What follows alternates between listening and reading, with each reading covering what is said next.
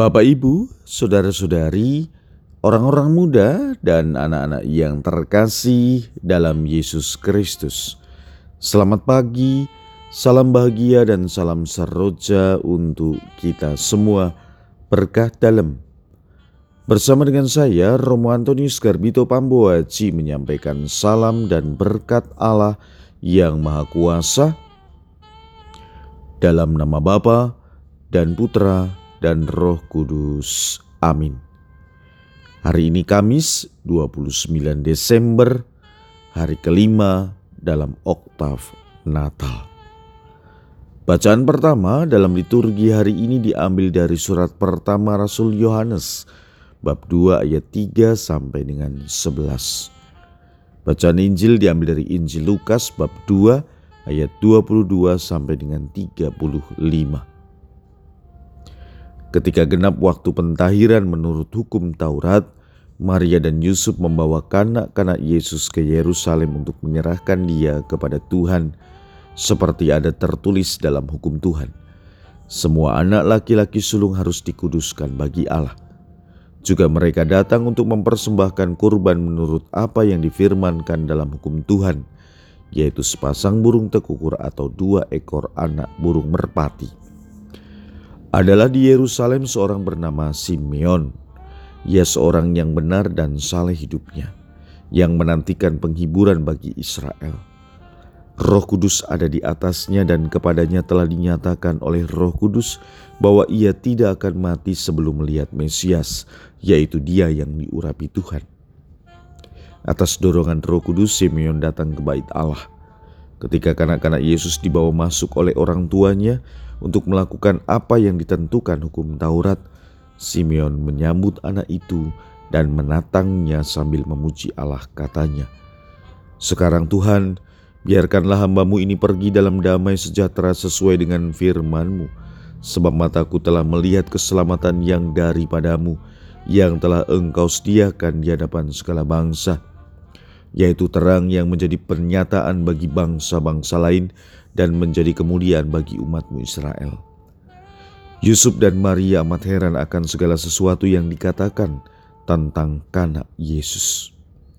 Lalu Simeon memberkati mereka dan berkata kepada Maria ibu anak itu, Sesungguhnya anak ini ditentukan untuk menjatuhkan atau membangkitkan banyak orang di Israel dan untuk menjadi suatu tanda yang menimbulkan perbantahan dan satu pedang akan menembus jiwamu sendiri supaya menjadi nyata pikiran hati banyak orang.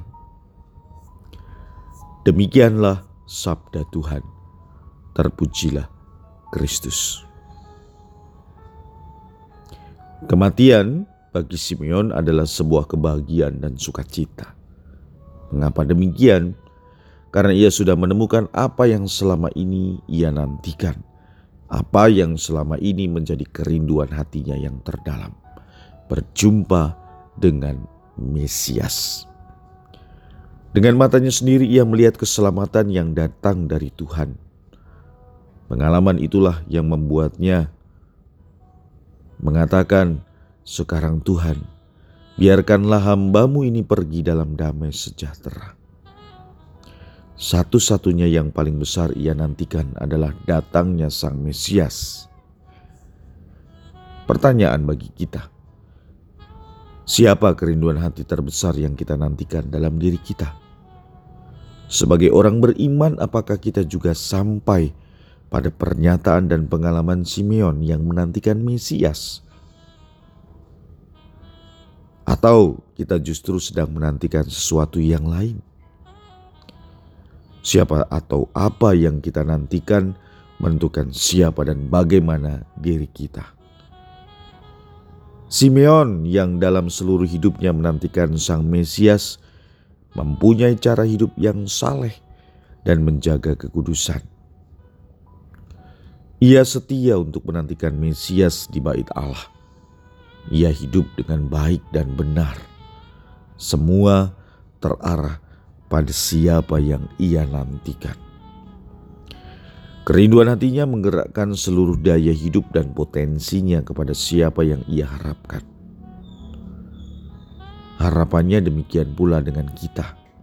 siapa atau apa yang kita nantikan banyak mempengaruhi apa yang kita lakukan dan perbuat. Mesias sudah datang. Ia lahir ke dunia dalam rahim Bunda Maria. Mesias telah mengambil jalan keselamatan yang dapat dimengerti dan dialami oleh kita manusia. Ia mengambil jalan dalam kenyataan manusiawi. Kenyataan itulah yang menam, memampukan kita menangkap bahwa Allah hadir, Allah nyata, Allah dekat. Seperti Simeon, mari kita terus-menerus meneguhkan hati dan iman kita bahwa Sang Mesiaslah yang menjadi kerinduan kita yang paling dalam. Marilah kita berdoa. Ya Tuhan, Ajarilah kami untuk berani menjadi seperti Simeon yang seluruh kerinduan dirinya hanya menantikan Engkau. Berkat Allah yang Maha Kuasa, dalam nama Bapa dan Putra dan Roh Kudus. Amin.